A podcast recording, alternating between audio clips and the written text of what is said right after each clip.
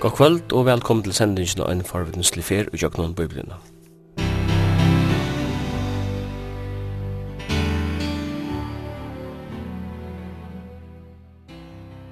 Henda sending er at høyre lintene FM 101 og 103 kvart mykje kvöld klokka 19 og over endersendt frutja det 17. part klokka 15.30.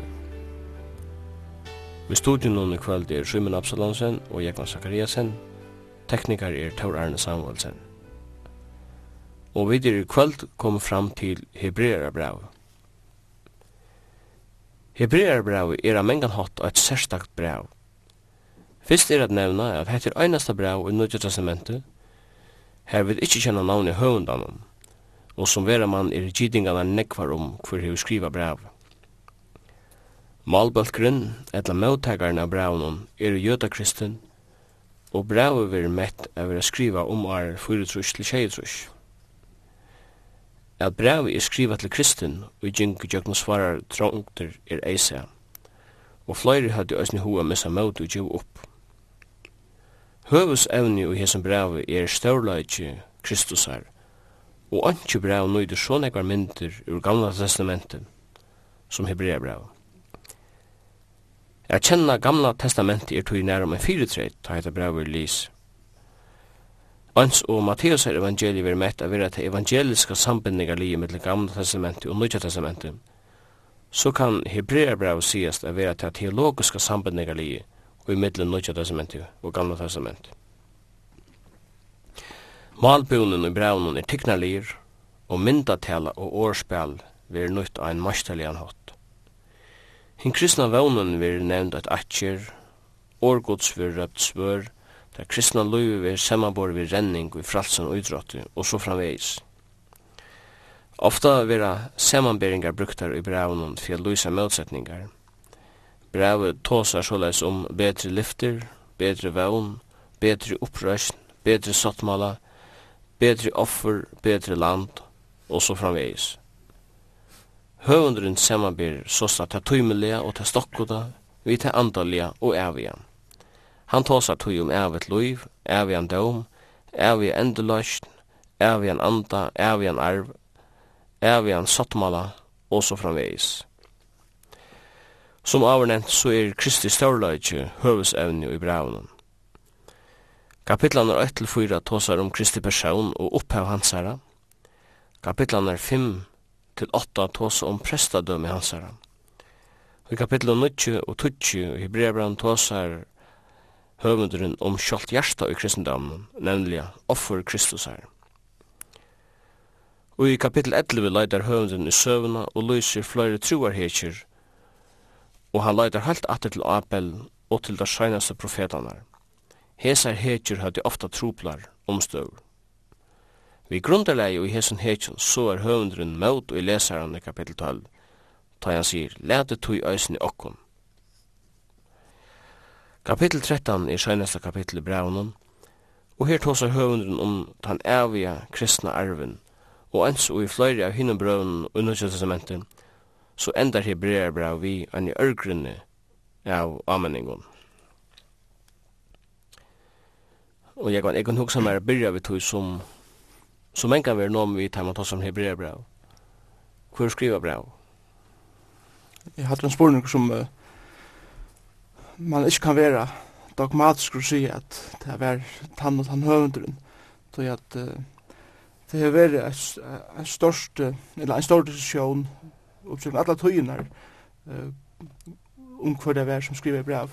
Langt og uh, kjørt kyrkjø fedrene var diskussionen byrja om hver det vær som hun skriva hebreerbrev og og konklusjonen så timen var han at, at vi vet ikke, men vi vet ikke til at høvus uh, høvunderen at han vil brevet er sånn hele anden og god sjolver som, som ivestorte uh, tog menneskelig høvn som skulle skriva. Så det er det der god er høvunderen, høvus høvunderen og kvør eller hvem han brukte til for jeg ikke at gjøre så eller større diskusjon om. Men korsene så har det vært en nok så stor diskusjon om hver det var som skriver i brevet, til det kan ikke bare ha vært en og for. særlig at man hikker etter hvordan mesterlige brev er skriva. Og, og her hokser jeg bare om, om teologisk, høvenden har haft en utrolig teologiska vitan. Og han har haft et utrolig tag av gamla testament. Det er ingen ivi om det. For annars så har han eisen haft ein meisterligan eller eit meisterlig malbruk og eit maløyra. Maten som han skriver på, år som han brukar, som ikke var brukt nekka æresennar og i nødvendig testament. Og vendingar i tjanen og myndatela som han brukar var, var brukt av mestarligan hatt. Det er imensk navn som, som var omtala, ta i diskusjonen om hver skriva i brevet eh, fyrir fram. Onkur vil påstande at det er Paulus som har skriva dette brevet, og kanskje valgte a bruka en annan skrivehått eller skrivestil i hesen breven enn han vanliga gjør det i, i de stittre brøvene i, seg. Og anna vil sagt at uh, kanskje var det Lukas, som eisen skriver i bare Lukas evangelium og apostlasøvna, uh, som skriver eisen i brevbrev. Lukas og apostlasøvna er jo de langse brøvene, og de er kanskje de brøvene til man samanbærer det vi nek andre brøv som er jo bare målslige, ja, eller kursen målslige best skriva, og de årene som Lukas brukar, uh, er kanskje nekva finna atru i hebreerbrevn, så det er kanskje en møla i eisene. Og annor vil det sagt at kanskje var det Barnabas som, som skriver det brevet som var en uppbyggd med oss. og vil det sagt at kanskje var det Filip som eisne kanskje heje hotla vitan ja, gamla testament. Han uh, var jo han som uh, hjalp hirmannen a skilja hva det var som Isaias skriva i. Og, og tog kanskje hei hei hei hei hei hei hei hei hei hei hei hei hei Så nek nøvn var nevnt, som, som til møla ikkje fyrir, men jeg halde at til besta sida, at vi kjenner ikkje hver høvendren er, men vi vet at høvus, høvendren, er heilig anden, til god sjolver. Og han som han valgte at skriva dette brev, var ein mavur eller ein personer, som hei en hodla eh, godfrøyslega vitan, og som hei en hodla malfrøsliga bitan. Til et ørende i gamla testamentet som sier at uh, til at tulta høyre gode til, og til at åpenbæra høyre menneskjen til. Man kan kanskje si det samme om uh, høvundan i Hebreabran. Det ikke nevnt, så er det dult, og så skulle vi hoksa minni om det, og hoksa mer om innholdet i braun. Ofta har vi nok ringt vi at godtaget til at, at det var nødt til å si at det veit ikke Men jeg halte at da man kommer til, til Bibelen her tidsje, så er det å møte en nekv som vi ikke vita. Og jeg halte at stegen fyrir at bare røyne er pakka okkur saman som ser ut til å ljóa godt og så sier hette sverre. Jeg tykker at det kan gjøre mengan illt i, i menneskjen og, og til, til såre vandar ut i. Men jeg halte vi slår bare være eimjuk nok og ærlig nok. Jeg sier at jeg veit ikke til at jeg Og et annet som uh, opptaker uh, granskar til er nær i brev er skriva. Jeg nevnte her om er foretrusel tjeid, så man ser det gosser i brevet at det er ikke ikke noen svare rønter, det er før ikke noen løyengar. Og det er gosser tog på at brev i minsta lei er skriva etter er foretrusel. Men vi så ikke angår avbending om at Jerusalem er lagt i øy. Så her må man nok si at brev brevet skriver Arne og Arne 70 Jeg vet ikke om du har noen mening om det. Nei, altså, ikke, ikke som så. Altså, det ser ut til, når man hikker etter i brevbrevn at, at uh, offringarna i tempelen er stadvekk til stier, til lømmes, og her, her tås vi om, om det tempel som Herodos let, let endur bygja, som, uh, som Serubabel bygde, at han har et folk som kom atre utlegt. Men da vi leser til lømmen så i 8. kapittel vers 4 og eisen vers 13 og i 19. kapittel vers 6 til 9 og eisen i 12. kapittel vers 1 til 3 så, så er det store avbendinger her at at folk ikke offrer igjen i tempelen. Og tog halde vi skulle si at her, og vi kunne si at her, vi visste at at um, brev var så skriva åren, år halvfjers. Jeg halde, det kunne kanskje være, være samt om. Eh, vi vet at det var Titus som enn ikke var blevet keiser som, som leie Jerusalem i øye og i år halvfjers han vel sagt at det var i, i september måned og i, i år halvfjers Men annars spurning er nær i trusjen det var til at høvendren av brevene nevner eisne Timotheus nok så avvers at Timotheus nevner og i brevene her han nevner i, i 13. kapittel vers 23 at uh, han tosar om at, at Timotheus er leislaten ur fengehuset. Og tar vi lesa brev Paulus her, så, så ser det ikke ut til at, at Timotheus nærkande sier det fengehuset som så. Men vi vet at lømme seg at uh, ta i Paulus skriva i Anna Timotheus er brev. Så, så leser vi det fjorda kapitlet at han, han byr Timotheus koma til sin uifengehuset i Rom. Og det er veri omlai og tjei trus kanska at han, han sæt her. Om det er nega vi tæa gjerra, det vet jeg ikke, men, men det ser ut til at av en eller annen hatt så hever Timotheus sit i fengehuset, og han er så leislat natter. Og hvis det er, er hent atan av Paulus i deir, så, så kunne vi nesten si at dette brevet er skriva eh, kanska eh, Onkti år 8 trus, etla år 9 trus, etla kanskje 12 år og fjers, åren Jerusalem var lagt i øye. Så, så jeg vil sagt, onkti du utjøkken til årene var Hebreabrevet skriva.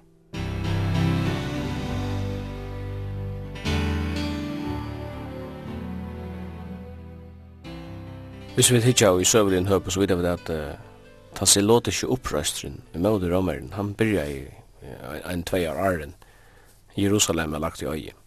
Så om så er, så er det over tann opprøsningsdeg og på men hebreerbrevet var skriva. Og i det har vi i Israel dømes fjallet massata som stender som en vær om, om tann opprøsning. Jeg tror ikke nevig om at ta vi leser jøkken hebreerbrevet, så sutja vi at rent søvlig, vi sutja det middelen reglene kan man godt sige, maten brevet vi skriver på, så sutja vi at uh, at det lever en tøy som ser ut til å være ekvelige spent på nekka måter. Eh, og til nemlig kanskje tøy, som du sier, at han, han seg oppreiseren. Eh, her hoksa vi om eh, hessir jødiske nasjonalistaner som ikke ville heva eh, at nekka styrte Israel utanifra. Og der ville uh, steppa seg av i romverska valti i landen og der ville komme atter til sitt egna reie og så videre. Og ta gjør den oppreiseren som gjør det til at trustet gjøres alt større og større. Og eh, bæg jøtar og kristne jøtar var, var under av medelig ståren trustet. Men det så eisen ut til at, at, at det her nationalistiska tja jøtene hei sånn avvarskan av til kristne. Til at da vi leser hebreerbrev så, så er det kristne under av medelig ståren trustet. Uh, tog at vi sutjer som brev at de har lykka som ho er færre attur til det gamla. De har ho er færre attur til tempelet. De har ho er færre attur til offringarna i tempelen. De har ho er færre attur til alle de ritualene som de eh, var frelst fra. Spurningen er eh, kvui, kvui vær, vær til. Og anker bibelærer vil hildi at kanskje er det nemlig at det nationala truste, eller det nationalistiska truste som var i Israels og tøyina, at vi må halda fast vi okkara, vi okkara gamla sier, og vi må ikke løyva ramvaren eller nøkron øren at komme at truste til suyus og føra sutt inn. Og kanskje var det kristne og eisne avvirska jeg og tøy, og tøy høyde jeg som ho er færre atur, til det gamla. Ikke kanskje så nek av religiøsen grunden, men kanskje lykka nek av politiske grunden. Så det er, det er så en forklaring. Det er følelse som isolerer utlendingar, og jo vi at, at det var jøtar, men jøtene hadde jo, hadde jo oppgivet herredåra til ramverjar og krossfestan, og hadde vent Kristus i bætje, kan man sija, og hvordan så er som tjau, Og romere var østen byrjar at forfylgja dem kristne, så det stod øyla ansamalt. Det stod øyla ansamalt. Men i Hebreabran kapitel 11 her sier høvunden, jeg mener, til, til er jo øyne utlendingar, og til søkja en, en sted som er avgjør og som ikke kan ristast. Det, det er akkurat som at det er du mist eh, egen av hva det er velja vær som de levde, og hva det var det var som de tro. Og akkurat som du sier her, Bente, at de, de kanskje heldu at henne tryggven som de nu var kommet og i var, eller teknisk og abstrakt, kan man godt sige, og de hadde ho affæra kanskje atter og i mer det fysiska, at kunne teka i okkurst, at kunne halda i omkron. Eh, haldandi at her djever kanskje større tryggleika til at nu kan halda i snir og til området skilja vera hva det er som som hendi tar av løyve. Så jeg vil teka en, en jøda som, som bor i Jerusalem og som er kanskje oppvoksen vi at öll familjan fer i tempelet at tilbya. De heva sånne lamp som de leia, alla menn i tempelet, her sørger det det fysiskt vera drype, og de vera offra, og de er vi ui offringene. Hetta hetta heilt utrolige tempelet som, som Herodes lät endurreisa og som, som er så avmedelig størst og så avmedelig flott og de tusenvis av folkene som daglig høyde sinna gongt i tempelen. Og hvis du eisen hugsa om eh, bæg familiemessige, arbeidsmessige og eisen sosialt, hva kontutning det heia vera gjøte, eh, tog at jødedomren vidar vidt leie og, og medeligen dent av familjene og at familjen er en eind som, som heldur samfunnet oppe og de høyde sånne eisne sånne religiøse sier heima kjørs og sjolvån, ikkje bare tempelen men, men jødedomeren eikjendes eisne heima hvordan de lås og torra eller, eller heila tids gamle testamentet eh, kvarje ritualer de får i kjøkken heima og sånne godsdyrkan, og eisne arbeidsmessige og sosialt. Kvann leiklo til høytu ut til jødiska samfellan vi sånne viner som eisne var jødar, og sånne arbeidsplosses, hver kanskje arbeidsskjeveren var en, var en tryggvor jødi og så videre. Nå høyre de båskapen om Jesus Kristus, som, som hever oppfyllt lovene, og, og som sier at, at det kan tørva ikke langkur at hava dette fysiska. det kan tørva ikke langkur at færa vi hos lampen og i templet at offra det for å få syndafyrkjeving i ett år. Nu, nu er lampe, taverlige lampe, tripe, og, og det hever rensa for alle synder til alle tøyer. Nu knappt jeg skulle til um, tjevast vi at halda seg til, til offrene, det skulle djevast vi er færre i tempelet at offra kursier for eh, vi, vi synder for djeving i hoa. Og knapplega nu tar dem ikke langer at halda seg til öll hessi imiske ritualene som jødadomerne sier at de skulle halda seg til. Og eisne at ta i ein gjørdes en kristen og vente jødadomerne bætje, så, så kom til a rega familieliv. Tog at det, det var som at, at jeg nok var god og jeg er egen kjønn jøta og tog var han utstøyter for familiene og arbeidsmessig så miste han arbeid sosialt kunne han ikke langer komme med sine viner i synagogene og, og æresene til at han var, han var satt som en mævor eller han var satt som en kvinna som hei vent gode og eisne jødedomnen sine familie og sine arbeid og, og eisne hele tidsje sine falskje eller sin nation, badge. Og her, her, her uh, sitter så her, kan man godt sige, stakkals eh, kristne jødaner, pura ensamadler, og i en tøy hver til er omedeliger, eh, eller omedeliger store nationale kjensler, og eisne omedel trusht utanifra, fra fudgendanen. Og her sier det pura ensamadler, eh, faktisk trusht fra ödlun sugen, Og det er jo bare simpelthen hun å slippe ødlen, og fære atter til jødedommen og til, til den nationalistiska og så videre. Og tog er høven du skriver her beint, og han edger dem til, til at halda av.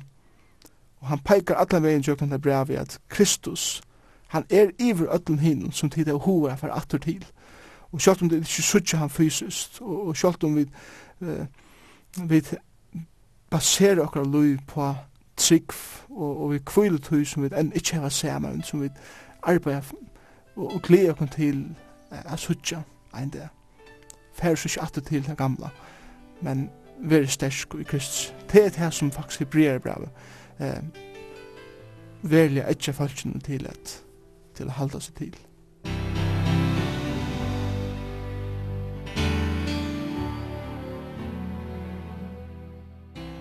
Du nevnte til at troan med sitt tryggleika, hon vil alltid ha et eller annet av halda og jas og fysiskt. Og til akkurat det som hebreber hever i hova, ta en gjør det klassiske definisjonen av hva trygg vi er hebreer bare etter at det at det fullt visst om det som vana vi er og sandføring og sandføring om det som ikke sast. Det var ikke å si at at heter året om trygg bæ, altså i jøkken hebreerbrevet, er et likelig år, så ingen ivi med det. Han brukar utrolig nekva tøy at, at løysa hva trygg vi er, eisne uh, hvordan trygg ser ut, og han gjever dømer om hvordan trygg hever hever vært utført i løyve tja, så medler ekvun, og her har vi et etlende kapittel atter som, som viser av ætlenskjer, ætlenskjer troar hekjenar. Men han viser eisne av Hebreabraun at trygg er ikkje bæra nega abstrakt som uh, er, er sikkert så finnes av ordan halda haldas til, men det er en verlig vogn ui trygg, ui trynne. Og, og tan vognen, hon ligger fyrir framman, og til det som vi skal stevne motor, og til det at ein dag skulle vi være saman med Jesu. Og han sier her bare at trygg full vissa om det som vågna verer, samføring om det som ikkje sast. Jeg sier at her vi, vi en, en jøta kom til å være utrolig abstrakt. Så jeg gjør den der løtt å møte en stor andent og det fysiske. Ja, vi kunne, vi kunne halte i omkring oss. Vi, vi, vi kunne sutja nega. Hver kristendommer var, var kanskje helt annerleis. Og det var mer, mer til at, at det kun hørver ikke langer nekka at halte ui rent fysiskt. Tui at det det er sett til suyus, og det kunne heldig læra kvila og at vona. Og jeg tror at det det er et som jeg kjente eh, kursur av kristensunna fra jødadomnen at eh, det var nekst større tørv av vånene om det som du ikke så sa. Gamle som heter hei sjående eisne til elementet. Jeg mener vi at en jøde han, han sa fram til den dagen ta vi Messias skulle komme. Alla veien jo gamle som heter hever eh, heva skrivarnir, eller høvendanir, skriva om at Messias færa kom. Han fyrir kom. Og han kom og tar sjåan ikk.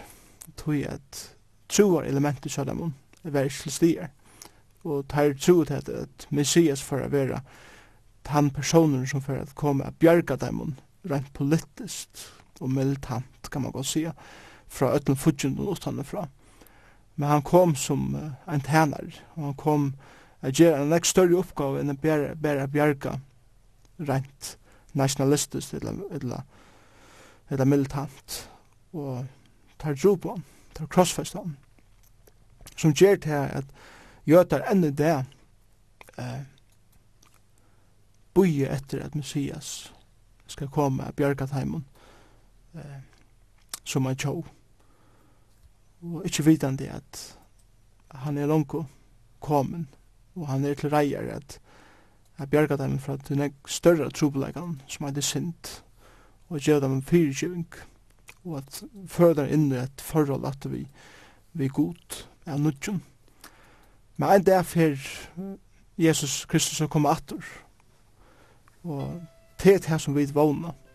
Og sutja fram og måter at han kommer den dagen at at gjør enda, enda ötlum som heter sint. Og han kommer å bjerga heimen som har sett seg av han. Og standa som domare i for teimen som har avnakta han som sin frelser.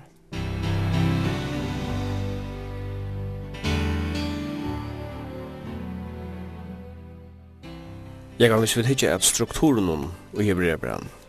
Vi har 13 kapitlar. Hvordan kunne vi i høvesøyden på det brevet opp? Ja, du, du gav sjåver en en goa og einfalda oppbyting av brevet. Jeg bygde brevet opp i løsene mer detaljera hest for kanskje i tjej parstar. Første parstar er uh, de aller første versene i første kapittel, vers 1-4. Og, og her leser vi om Kristus, som er iver allare ærar i åpenbering, kan man godt sige. Høvest tema i Hebreerbrevet er Kristus iver allum, kan man godt sige. Kristus er eh, fyrir allar fyrsta, han er iver öllun örun åpenberingun, bæje eh, profeten og gamle testamentet og fetron og så videre. Og ta i soneren kom, ta i Kristus kom, ta i han, han kan man godt si, ultimativa åpenberingen er at du som god hever åpenbera. Og det er så vi så i den første fyra versen under det første kapitlet. Så gjerne fra vers 5 og kan man godt si at til, til kapitel 2 og vers 18 viser høvenderen at Kristus er iver öllum englum. Og, og for det første, han er iver öllum englum til at han er soneren. Han er soner gods, og han er ikke bare en tænare gods som englar er, og det sørger vi i, i første kapitlet særlig, han legger dent og at det. Så inn i øren kapitlet legger han eisen dent og at Kristus var han som kom at loja, og ingen annar er jøkken til lojinger som, som Jesus får i jøgnum og, og tog var det han er dyr mætar enn et eller Og i uh, tre kapitlet, og lykka faktisk til fjörra kapittel, vers 13, lyser høvendren at Kristus er eisne ivor og hakre enn Moses. Han veldtje maveren som uh, som har som medel sånn tøtning og gjør dem. Han var jo han som skriva i ter fem mosebøkner og gav eller var mittelmæveren som, som var middel god og falske er djeva falskene lovene. Og tøy var Moses, han veldig troar hetjan og, og dem. Men høvendren her viser at Kristus er lengt eh, omafyrir, eller han er nekv hakri enn en Moses. Så fra fjara kapittel vers 14, og kan man godt si allan vegin til 12. kapittel vers 18, viser høvenderen at at Kristus er eisne hakri enn Aron, eller kunne man sagt pressaskaperen, ui tog jødska systemen, eller ui tog jødska trunne. For det første, undervisen her, så viser han at Kristus hei en, en bedre eller hagre prestaskap. Og det viser han i vers 14, kapittel 4, til, til og vi eh, kapittel 6, vers 28. Så gjerne i kapittel 6, vers 1-13, viser han at Kristus hever en hagre og bedre sottmala. Så viser han i eh, 6 utetter at Kristus hever en bedre halgjedom og eisne i kapittel 9 og kapittel 12 til vers 18 at Kristus er et er fullkommi offer, og er betre offer enn alt det som offra hver åren. Og i kapittel 12 til kapittel 12 så kja vi til femte høves i utskriftene og det er at Kristus er iver okkon, han er iver öll menneskjen og i öllun. Og tog heitren av falskje om at liva rett i kapittel 12, og han viser meiregler og eisne dømi om hva verle troarloiv er i kapittel 11 og eisne i, i kapittel 12. Og så gjerne i han i kapittel 13. Fyrst vi er etja falskje, og han, han peikar dem at han evige arven som bygja falskje. Og så gjerne i ut hemmen sørste versen i kapittel 13, vers 18 til 25, sier han farvel i sina lesare. Så det spyr de brev opp.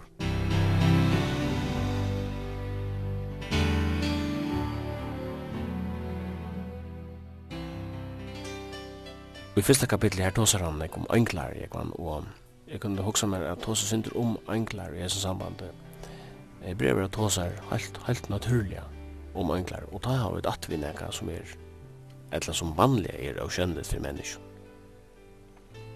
Ja, høvendren her, han, han tåsar om enklar som om et tenega som han ser kvende. og, og, og, om enklar vanlig ikkje vera satter, så, så tås han om englanar som en, en naturlig parst av skaparverset gods. Og til ønsken ivi om det at til, til meira mittel himmel å gjøre enn vi, enn vi halda. Og okkara er jo suttja eh, bæra til fysiska. Og tog har vi kanskje ringt vi i okkara eh, rationalistiska hugsnarhåttu hver alt skal kunna prekvast og alt skal kunna vysast eisne fram. Eh, har vi kanskje ringt vi er godteka det metafysiska, det er åskjønnelige. Og Bibelen tåsar helt greit om at det er nekka som heiter enklar som ikkje er skjønnelige, vanlige til okkara fysiske eller fyra okkar fysiska eion. Men det er avhavers å lukka at suttja hvordan av medelig er stårer hefur veri fyrir englum uh, det sustu tutsja arn og i selja særlig Uh, vi da seg si utrolig nekvar tekningar av englum og luttlar statuver eller bøker som kynner ut om englar så var det og tyverri så er det ofta en en forvrengla mynd av englen som vi heva. Um, vi sutja ofta hese fitte luttle bøtnene, eller bøtna figurer vi, vi vantjun av ryggen og sutja ut til at at livet nu er gåar vi er og de heva kanskje en, en hørsby i håndene og så spela de og ofta er hoksanene tja at enklar sida skutjun og spela hørsbyr og og, og så videre. Og, og kanskje tyverre i eisene eh, her og to kanskje djeva en, en falska hoksan om at ta og et menneske døyr, det er kanskje særlig ta i baden døyr, så blir det en angel som, uh, som nu spiller sinne hørspe og himmelig og så videre. Eh, Anki av sånne her er fra Bibelen. Anki av sånne her eh, er grunn til at det som Bibelen lærer, men kanskje meire heldre uh, en fantasiver til mennesken som de hever om hva enklar er. Grunden for er kanskje folk tekna, tekna uh, vantjer på enklar, Til det Bibelen sier at det er imeslø av enklar som, som hever vantjer, Og vi leser om det lømmes ui Esaias kapitel 6. Her leser vi om at her var enklar kerupar uh, som, uh, som høyde seks vantjer, og tar fjald og anlid, tar fjald og føtunar, og så gjerne vi tveimon uh, flodar eisne. Men ta vi tås om enklar i skriften, så er jo enklar skapter av gode. God har skapt enklar vi en avvusen endamal, og det er a vera temarar. Det er jo her framfor i asjon gods, alt ut til reier at tæna honom vi leser i Hebreabranen, i vers 14, og vi leser vers 13, bare for sammenheng. Her leser vi, vi kvann av engelen her, og nærkene sagt, se til her, vi høyre hånd møyna, endelig var i gjørst, eller lagt, fudgjender tøyna, foten tøyna til skammel. Så sier han vore, er du teir, altså englander, er teir ikke atler tænande andar, og vi vera sender ut til tænaste for tæra skuld, og i, er, og i arva skulle frelse. Så det, det som myndet som, som vi heva englen her er, er tann at framfor Asien Guds er en veldig skære av englen, og vi vet at det, er en veldig skære. Uh, vi leser om det i gamle testamentet, og vi leser eisen om det i nødvendig testament, og i, særlig i, i åpenberingene, og er det sånn at, at det er en skære av englen som er framfor Asien Guds, som, som det og nått er framfor Asien Guds, vi tilbyan. Og så råpa til han vi leser til i Isaiah 6, og eisne i, i oppenberingen i kapittel 5, at her, og i 4, kapitel 4 og 5 i oppenberingen, at det er nått er det framfor Øysen herrens, og råpa heilavur, heilavur, heilavur, herren god til skæren, og så vi er og tar tilby han Samtidig er det eisne klarer alle tøyene, at, at gjerra til tænelse som god bygget her gjerra og høvendren Hebreabrand sier at teir er alltid klare at tjena teimen som arva skulle frelse.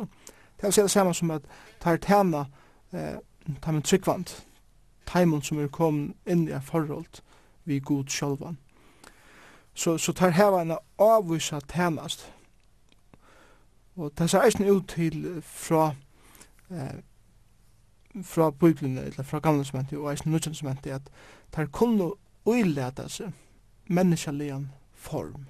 Og det er sånn at attor attor at englar kom og eh, falskjegods til hjelpar i imeskun omstøvun og imeskun støvun til imeska tøyer bæg i tjøkken alt gamle smenti og i alt nødgjøkken smenti. Jeg husker om ta i englander kom til Abraham og Sare eh, vi vore ta i Isak skulle være føtter Og sjón við vit at Kristus var, var eisen i middelen tarra. Men uh, enkla var vi her bænt, og tar søttu vi og Abraham svar at, at hesa tøyene næsta år skulle vi komme atter, og ta skulle det finna finnja en son.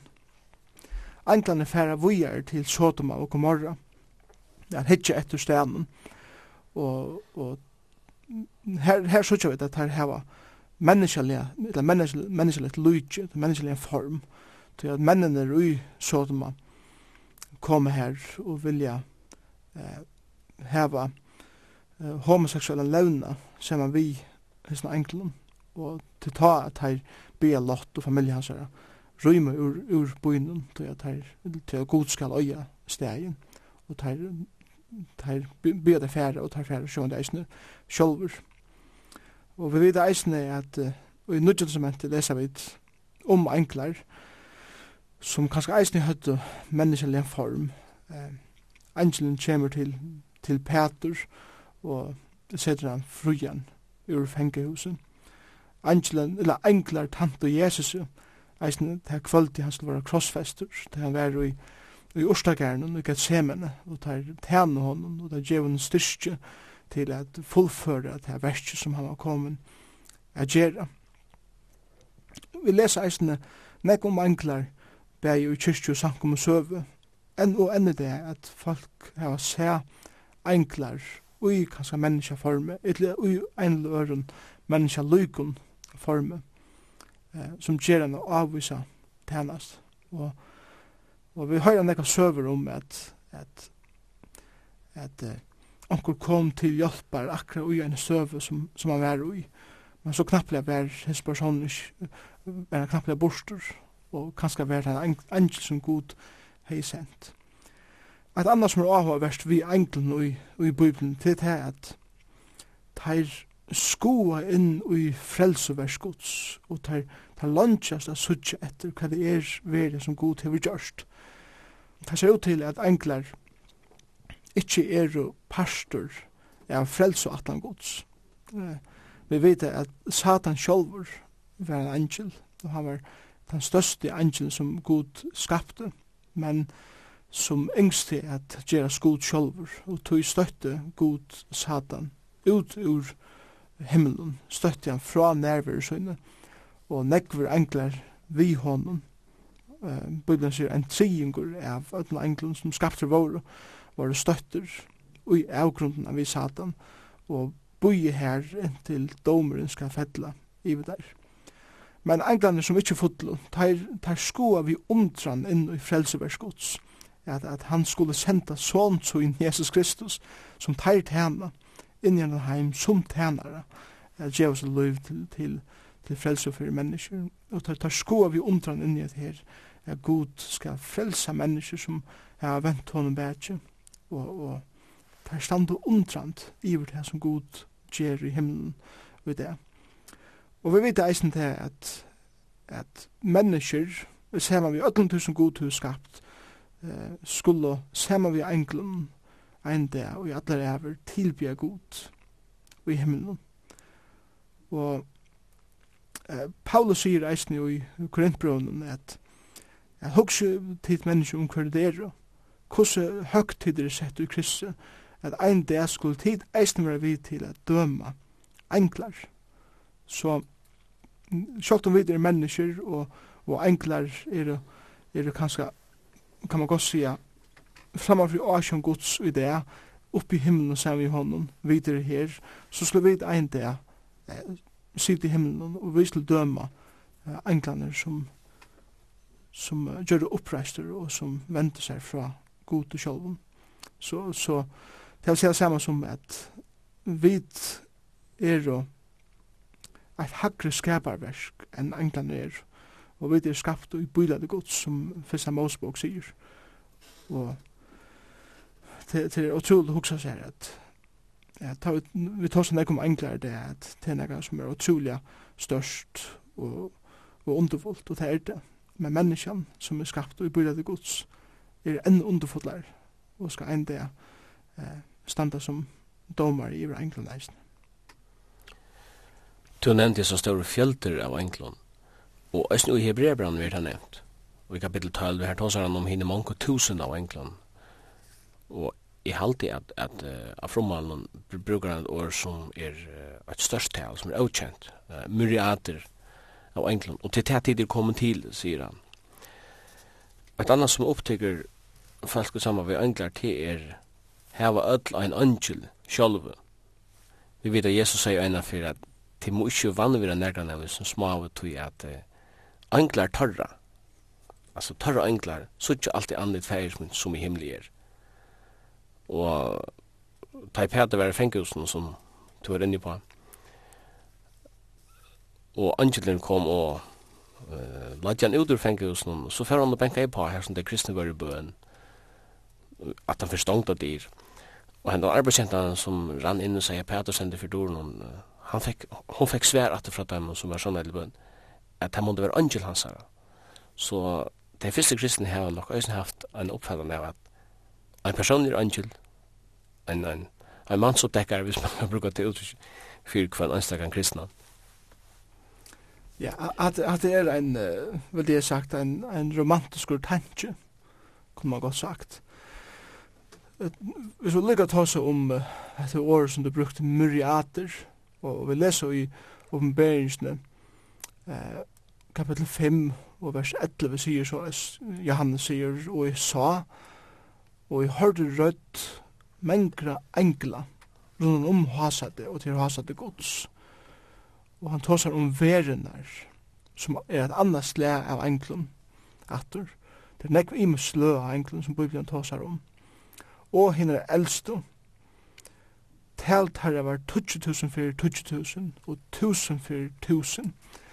Og, og hatt det talt har man legger det her saman som, som, som blev så størst at, at, at man, man kan ikke fæta det. Og til, til, til nemlig det her som det uh, akkurat er reisende.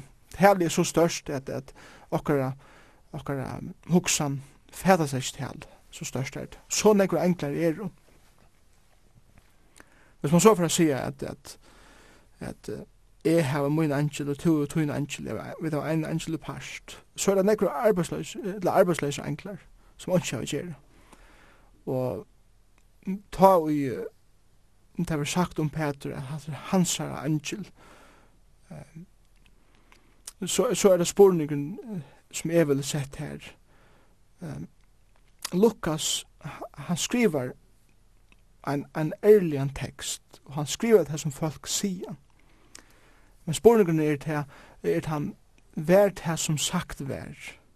En avvurskan av en teori som Jack Fears i mittelfaltje, som kanskje ikke var beinleis skrunda av det som skriften lærte, men heldig var grunda av eh, en lærer som har kommet fram, eller en huksan som har kommet fram, som, som er en romantisk huksan.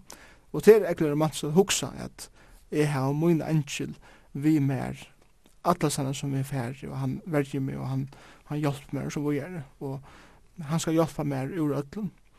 Eh Hva, kvar så vi tog Angelen som som er til stier tar en kom ut från färslevanlucka og vi kom att dö. Klar är så tar han Angelon är shit. Även han godt nok, og vart han Angelen ikke god nok, så så vi er är. Tog tog hade det er synd at jeg sier at jeg har min Angel jeg vil sagt det så også at i stedet for at hava ein angel som alltid vimmer, er, så har vi et uh, murri atre av englen som alltid standa klarer, ta i god kjeve bo om er færre hjelp. Så er det beina av klarer, om det er uh, ein angel eller annar, det kan gjøre akkurat det samme. Uh, til, til nekv større trøst og jeg er vidt at at jeg har myriater av englen som standa klarer framfor Asien Guds at hana mer, heldur enn ein enkle, eller enkle som, som alltid skal genga at nå mer. Og enklar haldi ikkje vi til som uh, akkara bodyguards, eller som akkara uh, verja, men, men heldur vi til sutja sum som tænare Guds og tær gjerra det som god byr gjerra, og ikkje, ikkje gengande bare slavist at han var menneskjen, og her som de færa. Og tar heva eisne en nekst større oppgave enn bare at hana menneskjen. Det er en av tar oppgaven. Men tar, en, en av tar store oppgaven er at tilbya. Det, det er en av tar oppgaven. At vera framfor og asjen god sted og nått og tilbya han. Og jeg tykker at enklare reisene vi i i samkommet hennast. Det er grunn til å oppenberingen at vi er jo her skriva jeg Jesus og jøknun Johannes tjei brøv til tjei imiska samkommer som var tjei fysiska geografiska samkommer i Lutla Asien, eller i Turskuinen som vi kallar det det. Her byrjar Jesus uh, öll brøvene vi vi sier såles skriva til angel samkommunar i Efesus, eller i Teatira, eller i Laodikia, eller i Philadelphia, eller hva det skulle være, en av sånne tjei i samkommunen.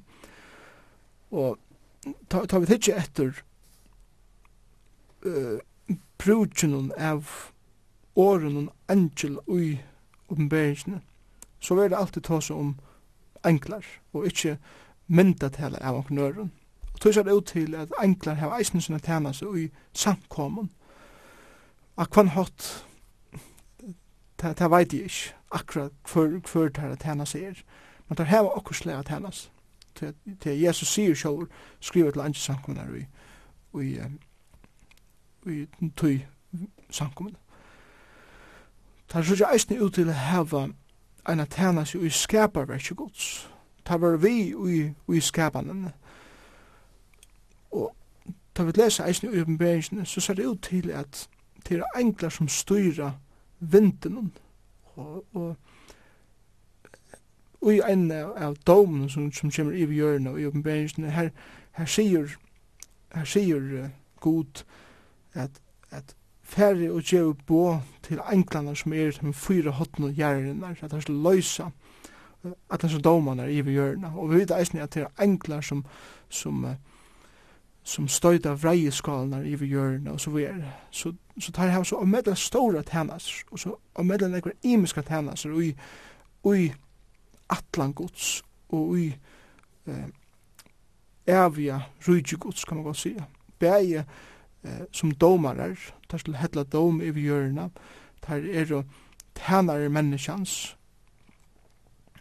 tar er og tænare ui samkommun, og vi vet eisne at tar tar er vi i, i sanje og tåna i kjeisne uh, innanfor Asjon Guds. Akkurat kan hatt vi det ikke, men tar er kursen vi i sanje og i tilbyen og så videre. Så, så det er med det største og avhver så sier hvordan stor ter at henne seg er. Og, og tog er det eh, naturligt kanskje for mennesker at hugsa at at anklar er nok helt fantastisk det er der. Men vanden kanskje i hebreaveren vært han, vært han at de hadde kanskje ho at, at, at seta englar av samme støy som Kristus vær. Og tøy er det høvenderne hebreerbren bruker tøy og jeg skriva herbeint at Kristus er nekv hakre enn englar er. Kristus er sonren. Kristus er god sjolvor. Englar er bare tænarer som alltid er til reier at tæna gode og være åri hans herre, løyen när som helst och kvar som helst och till kvärt som helst.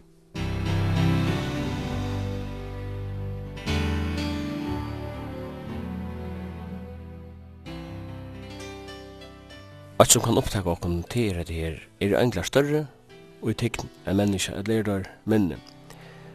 Og her kan man godt fyrst hoksa som så er at englar er tænande andar så er det tænare og, og her vi lakri og i tannforstand. Omvendt kunne vi si at uh, tar er nekst større og måtti enn menneska. Så man lukka som stender innan togstu vi her, er det større eller minn. Høyja vi at Kristus, så er han større enn alt. som det er som vi har sagt i fyrsta kapitel, er større enn englander. Men i øren kapitel er det sagt at han blei stått at tog gjør det lakri enn englander. Og Jeg hørte enn for etter lese enn for om en agent som passet i en kronprins. Han var helt pikkeløydel smadranger.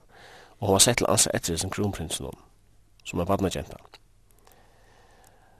Det vil vi ørne hun si at hun hei en myndeløyka iver om her og nu, og han var nødt akte henne.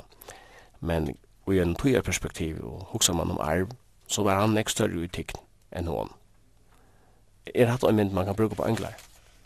Ja, altså den av med det god mentalt. Som du sier, så hesten i kronprinsen eh, alla tøyina en nekk større arv og han hei kanska en nekk større myndleika men eh, ui hui støvn som han var akkurat hva så, så hei han her gentan myndleikan i honom og, og man, jeg tykker det vi tar som enklar uh, i samband med hvor Kristus er. Da man hoksar om uh, at enklan har sær Jesus bøkse sjolvan så lagt som han gjør det. Og tar og ser han som sin evige herre, god i himle, og tar så han eh, være født inn i en heim som er menneske og at fære i jøkken alt det som han får i jøkken, og at være tænare menneskjans, og at bodja seg sjåan så lagt at han var lujen, lukka til deian, og at være at være neldan en kross. Det må ha vært helt undrunaverst og i i, i enkle heimen, tykker vi. Og jeg tykker at jeg tar og i enklander heva bore hese glede bøyene om at frelser er, er føtter. så jeg tenker som, som tar sunke for hiren ut av marsjen etter kvalten i Bethlehem, ta, ta hever ta ta tar sunke eisen vi undran at et sukt kan henta som tar sunke at frelser er føtter og, og tar, tar, tar sunke om om en lite baden som er født. Og tar, vi vet vi vet eisne at i jøkken Jesu løyv, så koma enklar honom til hjelp. Eh, enklar hjelp til Jesu, da han var ute i øyemørsene, og han var frest av av djevelen. Enklar kom hon til hjelp, ta og han var i orsdagaren og han, og han skulle være krossfester. Og ta meg hava, ta meg hava være underlig fyrir deg at, at tjene eh, tar harra som er så så lengt nyer bakter. Og tog er at her standa vi undran og høtje inn i det frelseverset som, som Jesus Kristus har veit. Men vidande fullvel, trygg vi, at ein dag så skal Kristus være litter opphatter til det støye som han bakter seg sjølvan nyer fra. Og tog er det flipper av tvei syreisene, at atan han er i boks lykka til deian, ja, krossdeian. Tog hever god og eisen sett han ekkli høgt, og givi hun navnet som gjør öllun øre navnet nir. Fyrir at at ui navnet jesur, hver tunga skal jotta, eller hver knekka bodja sig, hver tunga skal jotta, god, eller Jesus Kristus er herre, god er ferdig til dort. Ein er vidt at det er fullvel, at ein dag så skal han være setter atter, og i det støye eller ui til hasatet som han bakte seg sjølvan nyfra.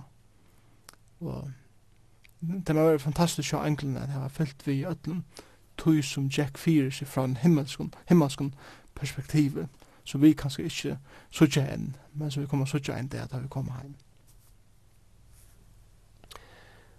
Hvis vi sleppa englene nå, for hitja synder etter firemynden som er i Hebreabraun, han nøyder imiska personligheter fra de gamle paktene til dem ståsar han om uh, Moses, han ståsar om Aaron, presten, høvespresten, han ståsar òsning om Josva. Og så samanber han tar et vi hennaste Kristus her. Og kjem sjålan til den nyeste at Kristus er bare nek større enn alt av det her. Eh, hvis vi tenker Moses, så lade han falsk ut av Egyptalandet. Tenker vi at Aaron som var prester, så lade han falsk inn til tilbyan og samfunnet vi god, takk av Josso, så lagt han falsk inn og i arven. Og til som er høvndan hebreerbrann sier, Kristus har gjørst alt av det her, bare og gjennom av en perspektiv. Det er ikke nøyvi om at uh, falsk hei hei en av medle sarvering fire hesten her mannen som som nevnte er Moses, Aaron og Eisen Josfa. Det var jo et her som uh, var vi til at seta falkur fralsjur i Egyptaland. Um, Moses leidde falkjøkna øyemørsna, og Aron, som du sier, leidde deg inn i tilbjørn til god. Josfa leidde deg inn i til lova i landet, og, og gav teimun atur til, til landet som god til lova dem. Og, og, og sjåan du gjør det her til i, i Guds myndelega og i Guds kraft men det som hender ofta rent søvlig at menneskjon er til at vi tar hod til at uh, djeva menneskjon ærna fyrir nega størst som vi gjørst og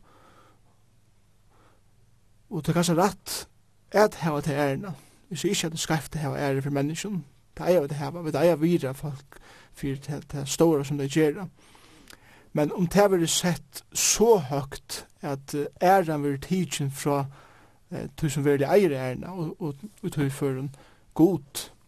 Det var god som førte mennesker ut ur Egyptland. Det var god som førte eh, mennesker i jøkken og. Det var god som leite mennesker inn og i tidligere til sin sjølvan. Og det var god som leite folk inn i talova i landet og som gav dem landet. Men han brukte mennesker til at ut inna, inna til. Så er det nok så naturlig for hebreerne som var opplært i jødendommen, som nu har sett seg til av Jesus Kristus. Eh, det var naturlig for deg kanskje at, at, at se det Moses, Aaron og Josva og kanskje nesten det samme støye som Kristus. Og tog må høvendene av hebreerbrannen minne der av at, at, at ikke fettelig så grøven her, at Kristus kanskje var bare en annar som, som god sendte, som, som var av nøglen støy, samme støy som hine var. Alls ikke. Kristus er god. Kristus er så omedelig, omedelig nekv, hakre enn en öll ånder.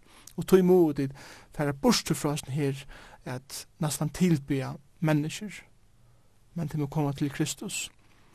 Og vi sørger han er samme vandan, og i nekvun, og i heimen i det til dømes hvis vi teka hinduismina. Ein den største trobelagen tja troboaren og troboan og hele tidsju i, i Indien og, og æresanar. Det er kjent til hinduismina er til at Kristus vil bo av som frelsare og mennesker teka mot Kristus som frelsare.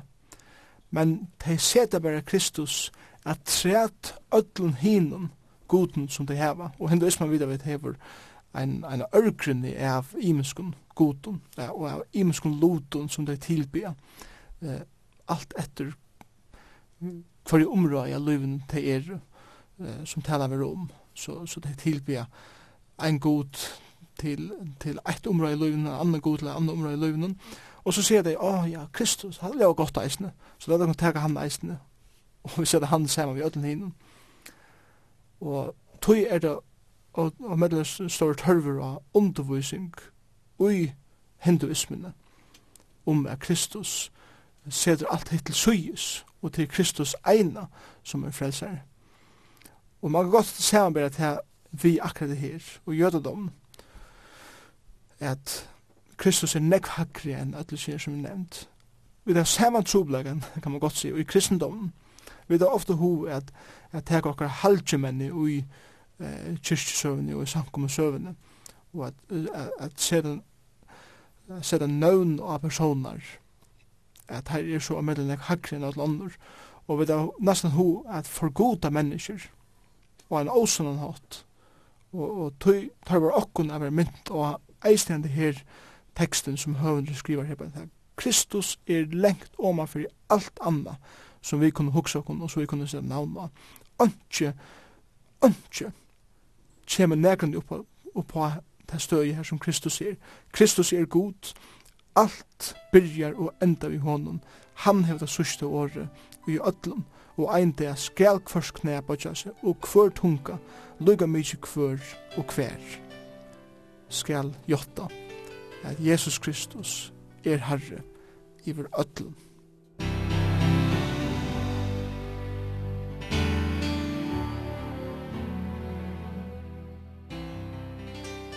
Vi vet at jødadammen og jødadammen her var tolv atter. Ein at hei frumborarratten, hun, hun førte til Josef, så vi er til Efraim. Uh, ein andre at hei prestadøm, Levi, ein andre at hei kongadøm, Juda.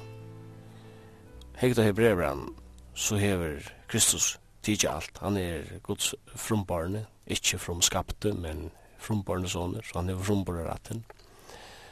Og han er slik av at levi. Men han lukar med er en prester, han ombor et annan prestadøm som er negg større, som faktisk ikke hevner attartal, og her kommer han inn på Melkisedek, det er en avir høvesprester, og han er opprunnen av at Juda, Jesus, rent fysisk var av Davids råd av at Juda. Så han hever frumborratten, han hever prestadøm, og han hever kongadøm, han er alt og i ödl. Det er det som er brev, å sier. Ja, og tog er det så områdene som du eisen sier i byrjan, at uh, det er et krev at hava en hodla vitan av gamle testament, for jeg vil skilje hva det er som Hebreabrevet sier, og at kjenne atunar, at kjenne prestaskapen, eller prestadøme, og, og kongadøme, og, og alt det. Og til, til det som, er, det som høvenden her lyser som mesterlige, at alt det her som, som tid har hun navnsida, Her er Kristus ovan for alt det. Han er hin frumborne, han er ikke føtter, han er evig, som viser Kristus som alfa og omega, byrjanan og endan. Han er presteren, høvespresteren, iver høvespresteren, kan man godt sige, som sider i himmelen, og til, til god sjolvor som sette i Israel og i jødedom et, et prestaskap eller et, et system vi presten har valgt å leve i atna til å være eh, de som skulle omboa eh, god fire. Men Kristus er lengt oman for det her, så han, han er ikke bunden til ein, ein prestaskap som god har sett. Eh, og tog er det Melkisedek kommer inn i mynden her bænt. Og, og han viser også her at Abraham bøgde seg fire Melkisedek, og han gav honom tutsjunt, og han eh, tilbe sammen med Melkisedek, og så vore. Og, og han viser akkur som også her at Kristus er fra en presseskap som er ohefter at jødadavnen, han ohefter at nekar menneskeligare institution, om man skal kalla det så, og tog er han lengt åman fyrir alt det. Og han viser eisne at Kristus er kongurun vår öllun øren kongun, og han viser eisne at Kristus er er profeteren vår öllun profeten, det er at han er hagri enn öll ånder profetisk åpenbering, og han, en profeter er, er han som omboi god fyrir falki, og presteren omboi falki fyrir gode. Alt det oppfyller Kristus sjálfur, samtidig som han sitter som konkur og som frumboren iver öllum. Jeg tror nevner profet og prest. Hvis vi hittar Hebreabran 3 og 8, så stender at uh, heila og brøver tid som har finnst lot og som kallet, hoksa tøym om apostelen og høvespresten, og i vid jotta, Jesus hever han omtalar som apostel. Vi hugsa ofta om tar talv apostlene, men Jesus er jo en høp i Østene, kallar apostel. Ja, ja, jeg er ikke nye om det. Året apostel nevner, eller merker at jeg vil sender ut, en som er sender ut, og Jesus sender jo apostlene ut, jeg kunngjør evangeliet, ferdig ut i Adelheimen heimen og kunngjør evangeliet for alle folkeslån som vi gjør. Er. Men Jesus var jo eisen sender ut.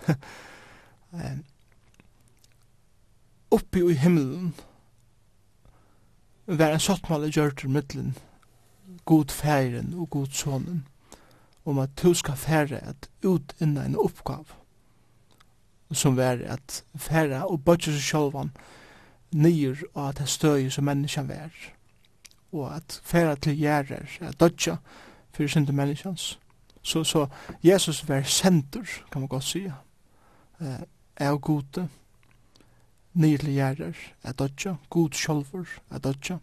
Og, og tog kan Jesus eisen være kallar en apostel.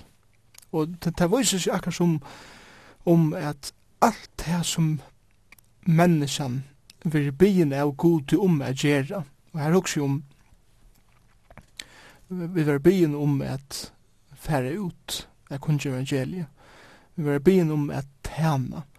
Vi var byen, eller jødedommeren, og jødene var, var bittner om, og finko bo om, fra god til om at, at mynda en prestaskap. Der finko bo fra god til om, og en at var valgt eh, til at ombo kongadømme i landen. Alt det som vi gjør som mennesker, og tjener god til vi, det er oppfyllig Kristus og han gjør alt det sjølver. Og, og tog er det at Kristus er okkara besta fyrdom, som eisne hebreer bare tåsar om, at, at vi skulle ikke ha egne vent av det som menneska gjør, eller det som ser godt ut. Vi skulle ha egne vent av opphavsmann, troaren der. Og, og han som er, er kjeldan og opphavet til alt det som vi taler vi kunne gjøre, det har han langt gjørst, det har han langt utint fullkomlig, og tog er han fyrdømme som vi skulle fylltja. Begge at det kommer til okkara tænast og framme for Asien gods, eisen at det kommer til okkara tænast og vi er omboa god i for menneskjon, og at det kommer til, til okkara tænast eller tidsi at tæna god vi er kunst evangeliet, eller at tæna menneskjon, eller hva det så er, Kristus er okkara fyrdømme her, han, han oppfyllte det fullkomlig. Hvis jeg skiljer brev brev rett, så halte jeg at apostoliska tjenestan til Jesus, hon er fullført og lio. Affæren halka igjen og sendte henne ut i heimen, sendte henne ut. Og det sutja vi nekka stedene i evangelien. Jesus sier i hans tru sier han ikke sendte god sånn som i heimen for jeg dømer heimen, men for at heimen skal være frelst i hon. Men da han sier, jeg har fullført verset, så er den apostoliska tjänastan fullført, og han, han får atter til færen, og får inn i en pressetjenest, som han er aktiv i i det. Ja, da Jesus røpte av krossen at det er fullgjørst. Så var det det. Så, så var det fullkomlig fullgjørst. Og han var reist opp for en dag, og han får nemlig eh, til himmelen å gjøre det her oppgående som, som han gjør i det. Og til nemlig som du sier, det er en prestallig oppgave som Jesus hever i himmelen i det. Eh, han, han er i himmelen, han byr fyrir okkon, leser vi, eisne om i Hebreabraun. Samtidig som han hever oppgavene at uh, gjøre okkon sted til reier, som han tar seg om i Johannes 14, at det er færre, at gjøre okkon sted til reier, og ta i hever gjørst okkon sted til reier, kom i atter, at hega det kun til moin, for at hisle vera her som er. Og den oppgang som Jesus gjør det, for ein dag er være omskift vi en er oppgave, som er eisen skal uten, og det er oppgaven som domar. Og Jesus Kristus for ein dag er standa som, som domar. til å ha verst å sutja hva det er som Jesus gjør. Han er, han er skapare, han har vært allar ever, han heldur öllun oppe, og hvis han eh, gaust at geva luiv så er alt luiv enda.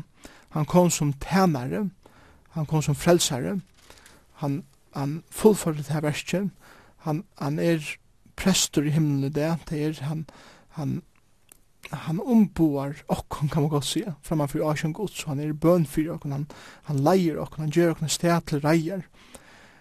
Men ein dag skal han eisen standa som domar, og til å møtelig områdende til okkon er skilja, at skilja det. Vi tås om nøye, vi tås om kærleika, vi tås om Kristus som frelsare, og han har oppfyllt alt det. Men vi, vi må ikke gløyma til søgina som eisne omboar Kristus, som Kristus eisne er, og til det at han er domare. Han skal ein det døma, og han skal ein det gjøre enda fullkomlig, fullkomlig og allar synd. Han skal ein det kasta Satan og, og öll hansara ui eldsjekven, og han skal, og han skal um, døma mennesker eisne ui eldsjekven.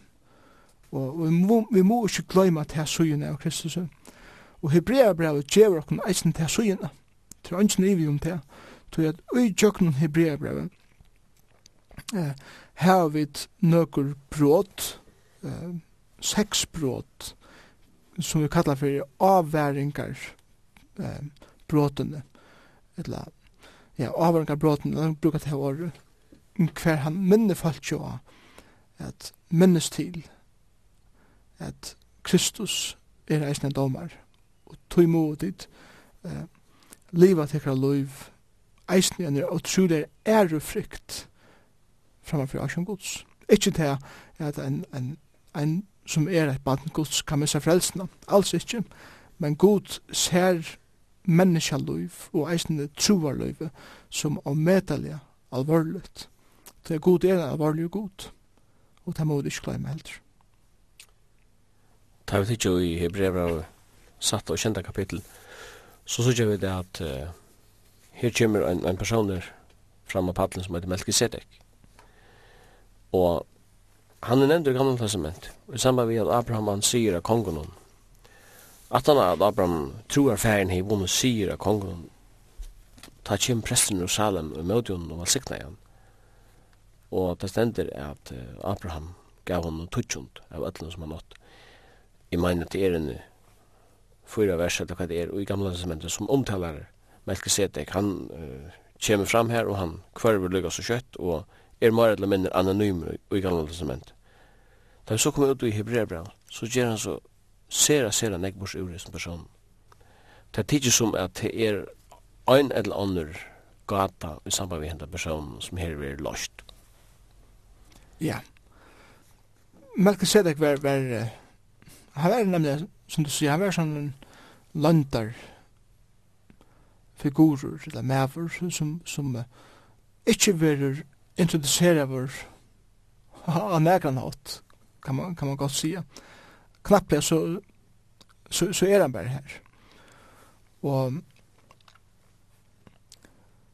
vi, vi läser om Melkisedek sjående i, i første Mosebok og til kapitel 14. Her, her er det de fyra kongene som, som rena Sodom og Gomorra og Abraham fer a bjerga lott som eisne var randur, og han, han sjående vinner sigur, og han teker uh, oknunar, vissar, og, og så ver. Nu knappt kjemur hesten her maveren ur Salem, og til eisne et ahover sted som han kommer ur, tog at, hvis du huksom året Jerusalem, og i det, så er det kanskje det samme stedet som han kom fra, lengt åren bojeren Jerusalem, var grunntaver. Og eisen bøyren her som god bygde sitt tempel, her som han offra i seg sjálvan for synder menneskans, er det ut til at her er en prestur framfor Asjan Guds, som eisen forresten ikke har vi jødedom å gjøre til at um, jødedommen kom ikke for lengt 18 vi Moses, og så Abraham og Melchizedek var lengt åren alt det var introducera. Men tilbyan er her bænt.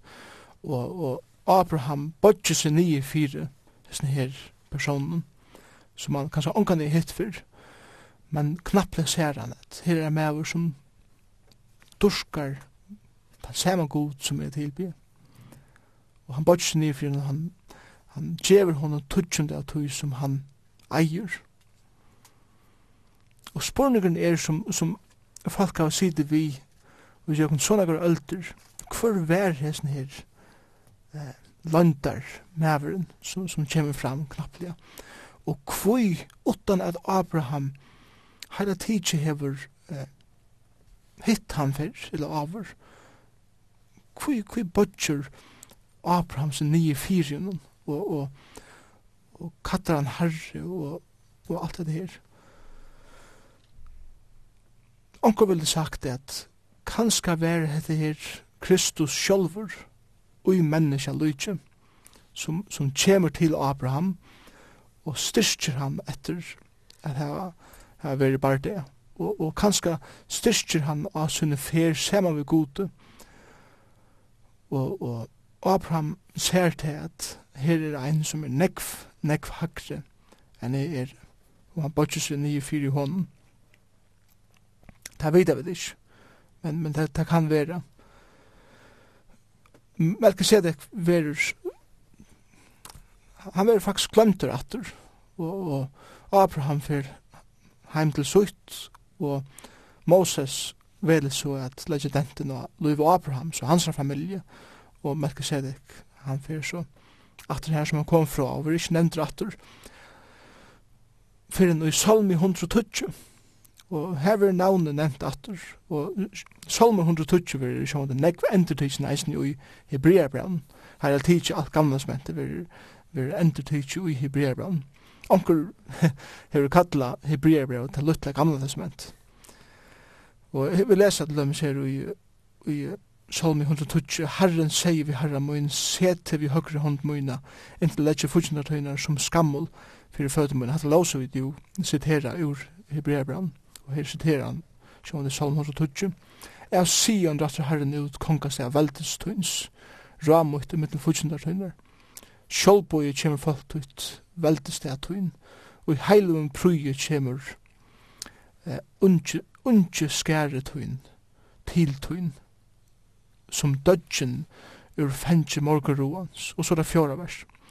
Herren hever svåre, og han skal ikke engra til tu er prestur i allar ever, av sama hot som Melki Sedek. Herren under høgre lytøyne sårar eh, kongar veldestegsøyn. Han heldur dom i hedningarnar, fyller opp vi lykun, sårar hødd om hina vuju gjør. Ur løgjene drekker han av venen, tøy ber han hødde høgt. Hette sjående er messianskur salmur som, som er en profetisk salmur om Messias, Hvor og han er. Han er konkur, han er prestur, han er domar, alt det her vil lust ui i sånne salmen, og som høvendra hebreabran brukar så av vise av at for det første så er han han harri i ötlun, han er han som skal styra ötlun, han er konkurren, han er lengt i ötlun, men så stekker han lukka vi Melkisedek og sier han er eisende presteren som er fra en hagre prestendømme enn det jødiska som godsette og som er fra god til sjolvun og, og tui er Kristus lengt iver Aron lengt iver tui eh, eh, halgjedom som var her i øyemørsne og som var i jøkken gammelsment i tempelen og offren og alt det Kristus er lengt om han fyrir det han er etter hotte Melkisedeks, som kanskje er det opprunalige, goddomlige prestadømme fra byrjan av, fra evne av, som var nemlig fra Salem, som var steg hver Kristus rådde fra, eh, hver Kristus offrer seg sjølvan, og som Kristus ein dag skal roa fra i alder og atler ever.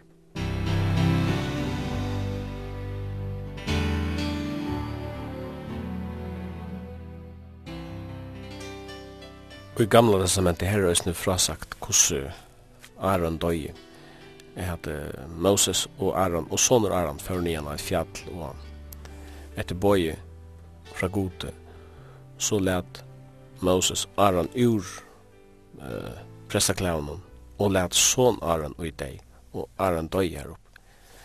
Eh, her sutja vid deian som er, man kan sige, vøygløyger, framom alla vøygløyger, pressen måtte stekka tog deien når jeg halda fram, men pressadøm levde vujer.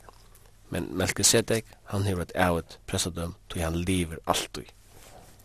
Og til, til, til det var kanskje tog eisne at uh, Melkisedek kjemur og fer utan eka. Uh, det var ikke nevnt om attartøl, det var ikke nevnt om familie, eller fysiska, jøriska familie, det var ikke nevnt om tog, hver han kom fra, när han levde, eh, eller hver han får, og så videre. Det nevnte hver han kom fra, ja, det var det. Og det var nemlig nevnt i samband vi et ævested, kan man godt si. Og det er nemlig at hui at det er en evig pressaskap som ikke tørvar eh, at vite hver han kommer fra, når han kom, hver han endar, hver han får. Så han er nemlig obunden at ødlen tog. Han er ævig hver vi sutja at prestar koma og færa og i tog levitiska eh, prestadøminen og ein prestadøyr og ein teker vi han døyr og hin teker vi at etter at at etter at at etter at gjerra der kvann annan.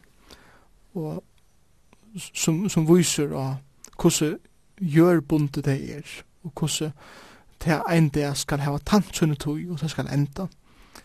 Og tog er det Kristus er obunden av tøy, og han er, han er etter tøy evige pressadømnen som er etter, etter rette Melkisedeks. Da vi kommer ut i kapittel 9, så tar han om halgedømmen, og her brukar han myndene fra tabernaklen. Og hvis vi skulle ta som tabernaklet, så kom vi brukt nekva, nekva tøymer og flere sendingar om, hvis man skulle fære ut i uh, æser vi tøy. Ja. Yeah. Og det skulle vi nok ikke fære gjøre Vi går så ikke i hese sambandet. Men han tåsar om et fremre kjalt, eller verlegan tåsar vi om, om tvei kjalt, eller et forreng inni ui sjalvun halvdjødavn. Halvdjødavn er bytter opp i trutja parta, kan man sige, forgæren og uh, halvdjødavn, og så ta allar heiligasta. Og til han kipa så i at hitja vi at Hebreabrand kapitel 9, så sutja vi en, en, en en parallell til det som hendte da Jesus røpte av krossen til fullgjørt, og han gav opp andan.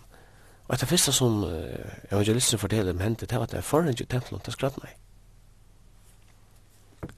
Her sørger vi nemlig demonstrera hver og Jesus vær.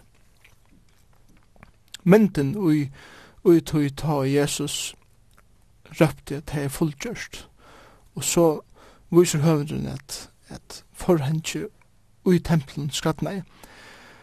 Det viser til at hatta gamla systemet er nu, eller hever nu, tant sunne tui, og det hever eh, gjørst det som det skulle gjøre, men er nu oppfyllt i Kristus. Og det var sjående som vi vet og som høvnene hebreerbrann nesten legger sår en dent og i nødgjende kapitlet, at det var ikke en og hver som kunne fære inn i det aller heilige. Altså. Det var presteren, det var oppgående presten. Han omboet i følge framfor Joachim Guds. Og presteren var han som, som kvørst år, bare ene fra året, skulle fære eh, inn i det aller heilige.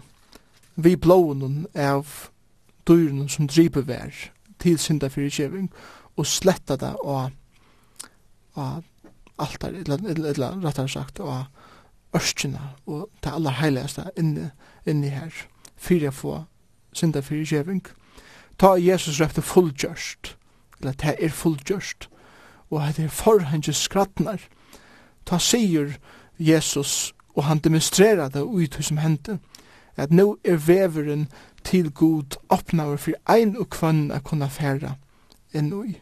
Tog at eh, Kristus som presteren gjør det verste fullkomme og som bjóa i og som sier at nå tørva det ikke langer enn menneskelian eh, prest a fylgje etter og heldig ikke et men menneskelig system eh, a skulle fylgje etter men nu hava et beinleis ergångt til god og i tjøkken mitt fullkomna versk, Golgata krosset, og tog er det det aller heiligste, eller tjaldi inn, det, inn til det aller heiligste, skrattnar, og sier, Jesus sier her, men tid er nu velkommen inn i det aller heiligste sjolv, at her samfunnet vi god sjolvan. Og, og det, det er helt, helt fantastisk, eller helt fantastisk sannleik, at kunne skilja at ut det har vi en ergångt til god og i tjøkken det fullkomne versk som Jesus Kristus gjørte. Tog at det som Aron og presteskaperen i jødedommen måtte fære tjøkken, det var til at presteren måtte først rensa seg sjølvan. Aron han kunne fære inn til god vi falskjene, eller, eller omboende falskjene. Og det måtte han gjøre år at han år, til at han var ofullkommen sjølver.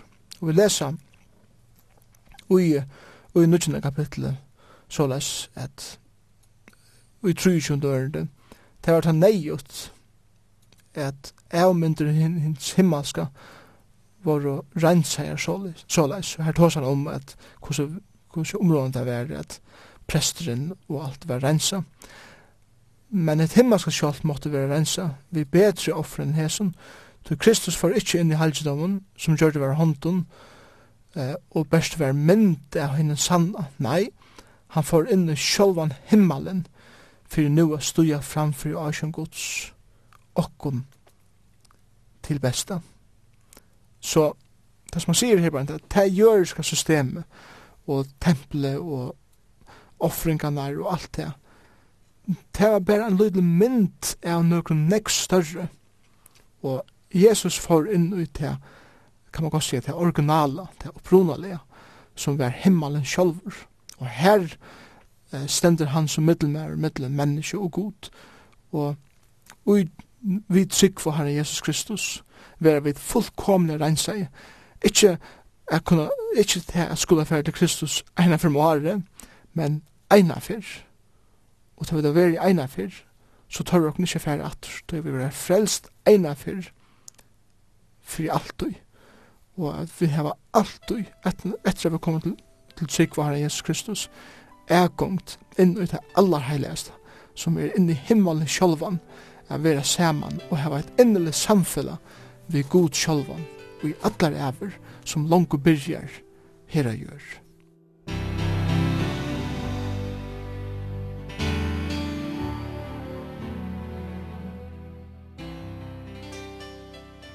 ta vi ikke at det snir som du er inne på Moses, Aaron og Josva, det gamle testamentet, gamle paktene og Melkisedek, Halgedown, kapitel 20, at han har beskrivet alt det her, fyrisen her jødakristne, som han jo skriver til.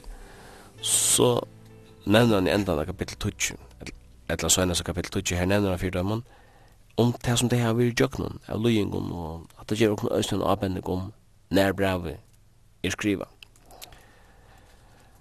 Men da vi så kom inn i kapittel 11, så kom han inn i troar kapitlen hver han for at då som troar er ikke Og til lukka som han vil si vi, altså, til færre jøkken noen ting og det, men eh, tanke på hva det er lyfte og det er det og hoksa så øyne med det at det er ikke ensam, at det er veri folk i jøkken øldenar, han byrjar for flere tusen år siden, som er færre jøkken større trångter, men det er sånn jeg har lengt bort og halsa av det. Ja, altså 11. kapittel er, er kan, kan man godt si at en EU-gengur til, til helt nær andre, ui, ui, hesten breven. Og til akkurat som, som du sier, uh, rent søvlig av hver falskje, under og medelig så en truste, og hette truste gjør det til at det er ho at, at, at djeva opp, og affæra bare atter til det gamla, systemet. Men, men, men han, han peikar dem nå her på en til at jeg minnes til, minnes til at det som gonger sema vi trunna, det som gonger sema vi trygg til eisne luja fyrir, fyrir trunna. Og han viser ötlisje dømene luja fra Abel og allan vegin fram etter. Og, og til akkur som at han, han, han kunde nevnt sånne knøvn Men han sier bare, vet du hva, jeg, jeg djevus bare her, og det var en rikve av øren mennesken som eisne får i jøknen avmedelige løyingar. Det er som han sier her, bare at de skulle ikke råkna vi noen øren heldur. De skulle ikke råkna vi at, at de skulle eh, slippe undan, det som øtlen, det som hinne ikke slippe undan. Og det som selv Kristus ikke slippe undan at, at da er selv Kristus for tjokken hans løyingene, hvordan tid så ikke færa, og tjokken hans løyingene, og til, til så er det kanskje det som Peter for å ta seg om eh, utsynen brøven, og tog er det at det troer elementet som man nå får peika av, at alle disse menneskene eh, som selv levde i samme systemet som tid liv i, her også om jødadommen, og, og alt det som vi tog fyllte, det fysiske som var vi tog, så var alle disse menneskene korsen troer heter, og de så fram til noe annet som enn boja i heimen, og som var åma for det fysiske, som de hilde i korsene, og tog etter heimen, gjer tid tog eisene det samme. Hvis vi tykker at uh, kapitel 11, så sykja vi at vi kan byda troer heitsene her, som er nevnt her oppe i tvorbalkar, til de som sørger ut til å være vinnere, og er vinnere, så er det de som sørger ut til å være men er vinnere. Hvis man kan si det på den. Eh, han nevner her, de som vunne sier av kongerøyken, utinte rattvise, finge lyfte oppfyllt, tippte munn av leiva, sløgte eldspal, sluppi undan svørsek, finge styrkje etter veiklega, vore veldig i bardia, finge futsinda herrar at vujtja, Hesa seg utlevera vinnarar og våre vinnarar. Så sier han vujar i vers 6 Annor måtte tåla spott og huflanging, bond, fengehus, te var støyna, sea sunter, frøsta, driven vi svører, jing um og i seia kinnan og gaita kinnan, til li nei, trångt, ringa viffir, heimene var det ikkje verdir, de fjakka vi om og i øyemarskun og i fjöllun, og hellun og skorun gjerrinar. Hesa så gjorde det tabarar og i menneskja seg, men det var lukka nek vinnarar som hin. Og han sier vi er reisne og i nødstundørene, og öll hese, tog av de høyde vittnesborene for tryggsyna, fingur tog ikkje det som lov av er. Det god hei fremman undan atle okkum nega betre, så de skulle ikkje fullkomnast utan okkum. Og det er akkur som han sier her, bare at, at sjálft om hans her så fram og vana at, at, at, at, at finna nega, så så det ikke hos sin egna løyve. Så det så ut til at det var tæpere, men som du sier, det var vinnare. Tog at det som vi er sykja fram til er så nek større enn bare det som vi kunne tæke ui. Og, og, og hos kapitlen lyser øtlese menneskene som, som høtta eina avmedelige stora trygg og Herre Jesus Kristus og god og tøyferan er peika av i 12 kapitlet at lät jag kun tui och att tui här och med grunnt og alt allt som jeg nu har vust ikon i etlende kapitlet lät jag kun tui eisne vet här vi har så størst gudj av vittnen som vi helst la vera ettla kapitel ettla så väl till vittnen eh lät hon av alt här som tynger og syndina som hongur så fast upp i okon og vi tåle renna skai og i okkon er fyrisett hevande egene vend av Jesus. Det ser ut som at vi, vi har en mynd fra utrått i her, det som er løykvallir, er at uh, man renner skøyer enda, altså en utrått av mer og vi har en skudja vittnemdan om, til som at du har en arena, du har anskårar, og hese her, som er nevnt i kapittel 11, til som at de er flott opp av tribunen og standa og egla han, han brukar anna, som du sier, virkelig vekra mynd her, nemlig om til til kristna løyve. Paulus brukar så myndina i, i sunnen prøven ofta om henne rennaren, henne uidrosa mannen som, som, som renner i leitjen, han renner her for at, for at vinna.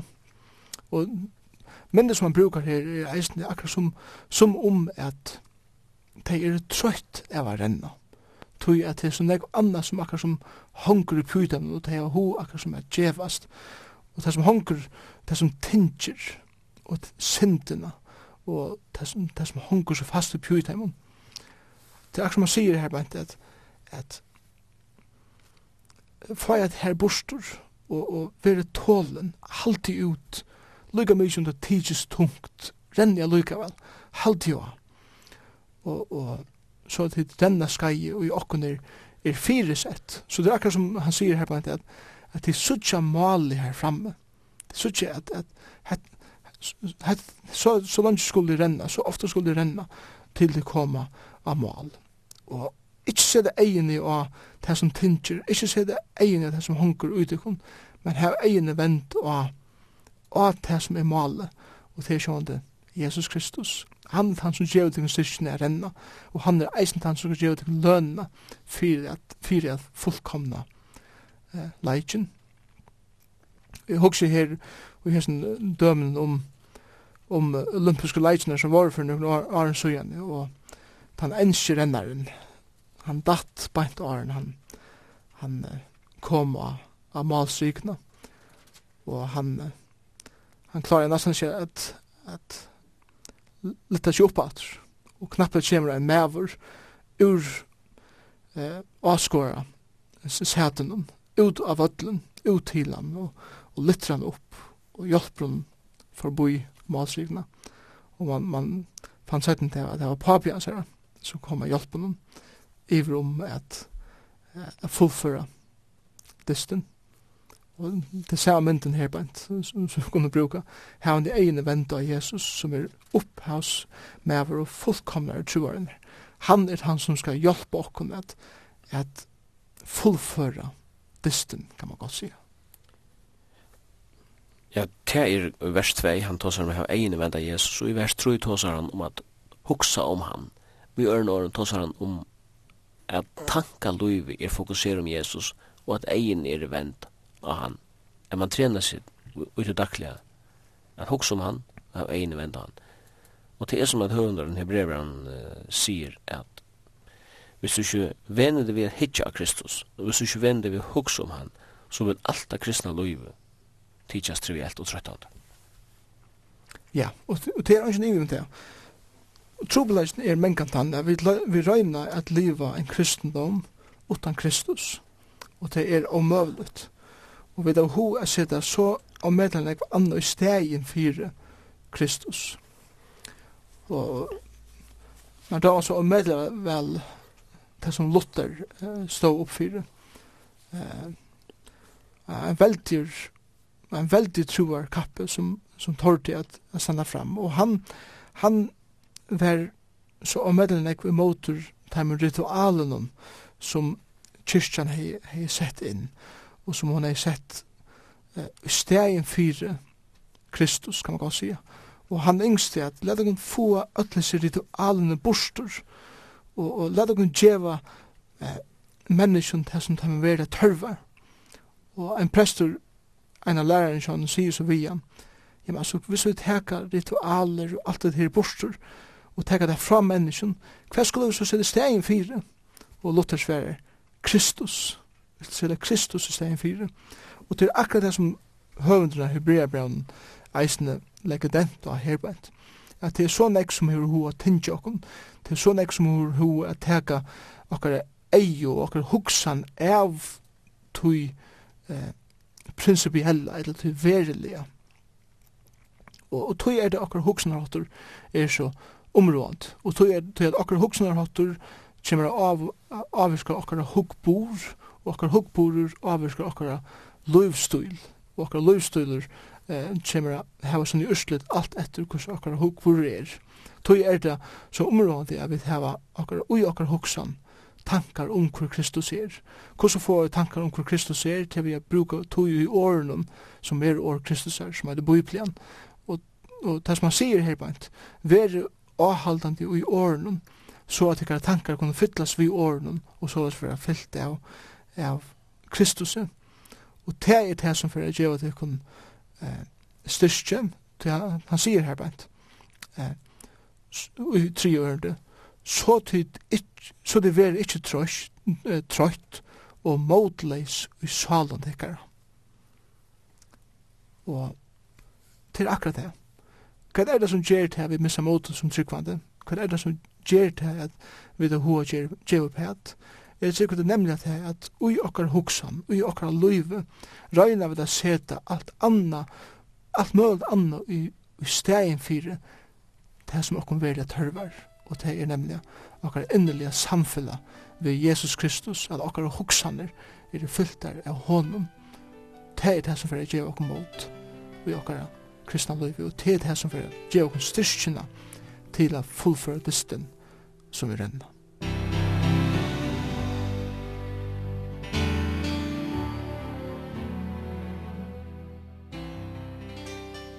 Hesse jöta kristne som brev skriva til, de følte seg under en øylen truste som du hever inne på, eh, negra fyrir, bæg fra Romerion og eisen fra jötan. Det var som at de mest til som at de blir rist av omstøvn. Og sier han her, søgnast i kapittel 12 er at eh, god for øyna fra rista, ikke bare himmelen og hjørna, og han skal rista alt det som kan ristast. Men det som hese menneskene bygde av, som brevet skriva til. Det var et rydje som ikkje kan være rist. Så det som man er veldig kan si, tilfølge at jeg kan rist i det, men jeg kan godt fortelle at det, er som tidbytje og til jeg fast, alt tid som lån noen tikkun, det har vært en der rist sundro sammen. Ja. Og jeg tykker hans i åren har i Kiva, hesten her, hesten her stakkars falskje, måta nutjon, det er jo sig sjui. Og til, til nemlig at det her, det ser ut til at det var ryst sundur og sema, kan man godt si. Og, men grundarvøtleren fettler ikke. Og til det sema vi kristendommen oppsøkken alla tøyer. Mennesker hava rønt at uh, kritisera, og det har rønt at trusht han nir duitje, det har rønt at bråt han nir. Men at det, det, det er som at, at smuja stal, at tess meira du smuja det til, tess størskar bluva det, tess herrar bluva det, tess heitare eldrene veri, tess, tess longre livet tog hev det, og så videre. Og jeg så en av medelig gav mynd, nemlig av, av biblene, hvordan biblen har vært rakka nyer i kjøkken og årene, og hvordan mennesker har steg vi hammeren og vi, vi øksun og vi rækun og alt møvlet har rønt att knusa trover i Bibelen nyer.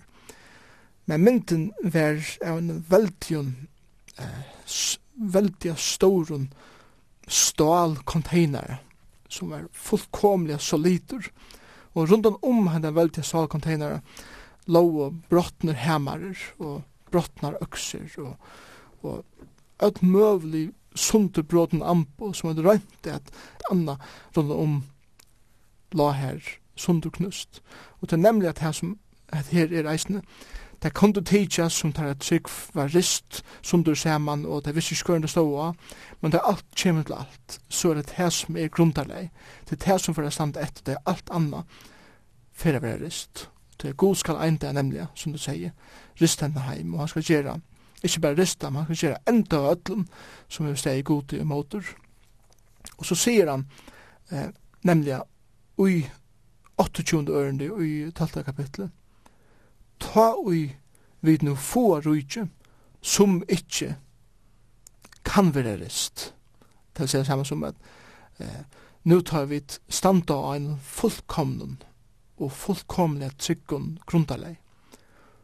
Så let jo okkur ta vera takksom og her vi tjena gode hånden til tokka vi Guds rasslo, eller Guds ötta, eller Guds rasslo og ötta. Så det er samme som at heva eh, nu et loiv, hva vi der takksom fyrir til grunnare som vi standa av.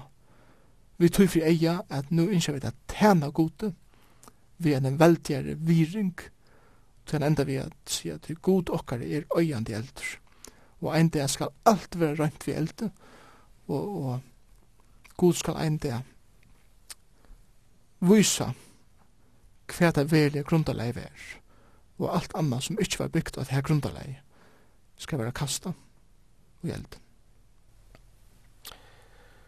13. kapittel til den seneste kapittelen i Hebreabraun, og hittar vi det at endan Abraun, så minnet han ekko om flere andre brøv i bøkene, ameningar og til lukka som at han har vært så vuja og så høgt, så har vi denne, denne bleida landing her, hver han tåsar om ganske myndelig ting, og, og anmyndingar og halser og så framvis. Og han sier endan, halser öllum velageren tikkara, og öllum hinn høyla av, teir Italia, lær halsa tikkun, nei, vi er vitt tikkun öllum. Så det er ganske almindelige mat han endar på, som akkur annar brev. Ja, og vi, vi sutja her systemet atter og atter. Paulus, han, han han bytte det sinter, kanskje bedre opp, om man kan si det så. Han har nøklenda at helten vera vysa til god frøyslige og gjøtlen, og så hin helten av brønne kjassar at vysa det praktiska av østlig det er til god frøyslige. Vi til at vi nu hava allar hessar veldig sannleikar som vi nu hava vystikon, leta oss liva, liva, grunda at hea og en praktisk nåt for jeg kjønner gods. Hebreabrevet brukar de første tolv kapitlene å vise hvordan medelig områdene det er at heva et godt grundale, en sunna god frøye. Og det er, det videre, det er høvus endamal vi hebreabrevet, det er å vise hvor Kristus er. Men så, lykke Arne Djeves, som du sier, så sier han, la meg nu eisne vera praktiskan og vysa at tykkur nå hvordan tid eier livet tykkur liv nu saman vi Jesus Kristus. Og han, det første som han nevner i 13. kapittel er bror Kærleisen. Bror Kærleisen være vi. Så vi er noen elsker hver annan. Vi er gode vi hver annan. Så får han ta seg om gestablutne. At, at vi skulle være gestablu i og fire fyrir menneskjen. Han, han tar seg eisne om minnes de som sier det fengehuset. Ikke glem at de som, som som sitter i fenghuset for Jesu skuld. Han tar seg eisen om tjonaband, at, at livet i troskapet mot hver kvarnør, han, han nevner her at tjonasongen vil jo ådolka, det er ikke være åtrykk, halde det kun saman som tjon, og ikke være ut om tjonaband. Og han, så sier han eisne, ans etter teker kærlega til pening, Ikke, ikke gjerast bunden av materialismen. Her er en vent av Jesus, og vi er nøgt vidt her som det her var, så nøgt seme, tås han eisene om. Så gjerne for han tås om veleierar, og her tås han i var lest om teir som taler og gods, underviser teir samkommende, og som kanskje er samkommende leierar, eldstar, og så vujer i, i samkommende. Og han viser at, at Kristus brøydes omkant, og, og vi kunne fullkomna kvila i hånden. Tog jeg vil ikke leta kun vittlast av allsins imenskun hugsan som kanskje har ho at krupa inn i, i samkomna. Så henta samkomman eh, var en samkomman som var trusht nek utanifra, men kanskje var eisne interne troblegar vi, vi lærere, og tog peikar han eisne av, av det. Og kanskje er det lærere som kanskje var avurska av tog rituala jødadommen og så videre, er for at til eh, det traditionella som Kristus har sett til sujus. Og han sier, akte vel er tekkara, og gjer som det sier tekkun, eh, tog teir vetsje i salen tekkara, her tar han om hira tænasna, som teir skulle gjøre råkneskap, så teir kunne gjøre at her vi glede og ikke så fant. Og så tar han om bønnen, bønnen, så, så bønene er er områdende og just i breven nesten. Og så endar han bare at, som du endar i Johanne, helse øtlen velæren tekkar, og øtlen heil, og teg er Italia, la det helse tekkar. Så dette lærer okken til endan, at høvendurinn av Hebreerbreven var i Italien, da han skriver i etter brev. Og han endar vi, tog som jeg kjenner, alle biblene, fra byrjan til endan, og til er nøyen. Og her peikar han av at det er nøye å finna i Jesu Kristus, at öll som koma til ham, og gjotta sina synd, og kastar sina byrar ham. Her sender Jesus Kristus vi åpne ørmen, og sier at nøye mun, hon er eisne fyrir til, og hon er eisne fyrir kvann ein lustare som, som lustare det, og som høyrer hese sending. Jesus Kristus bjør at her nøye, og han sier vi til at at jeg har et nøye hava at djeva ter. Luga mig ikke hvordan løyftet er. Luga mig ikke hvordan ser ut. Så innskje jeg frelsa ter. Jeg døye fyrt ter. Og jeg kan djeva ter nøye. Nøye ver vi tikkun ætlum.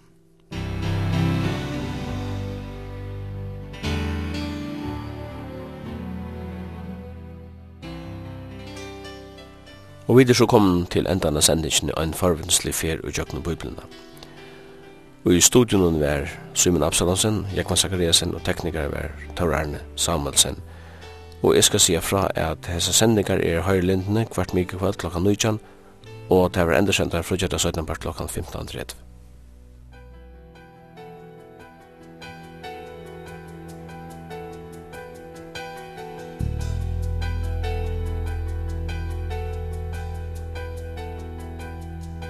When he rose up on the Ritz. There is thunder in his footsteps and lightning in his fears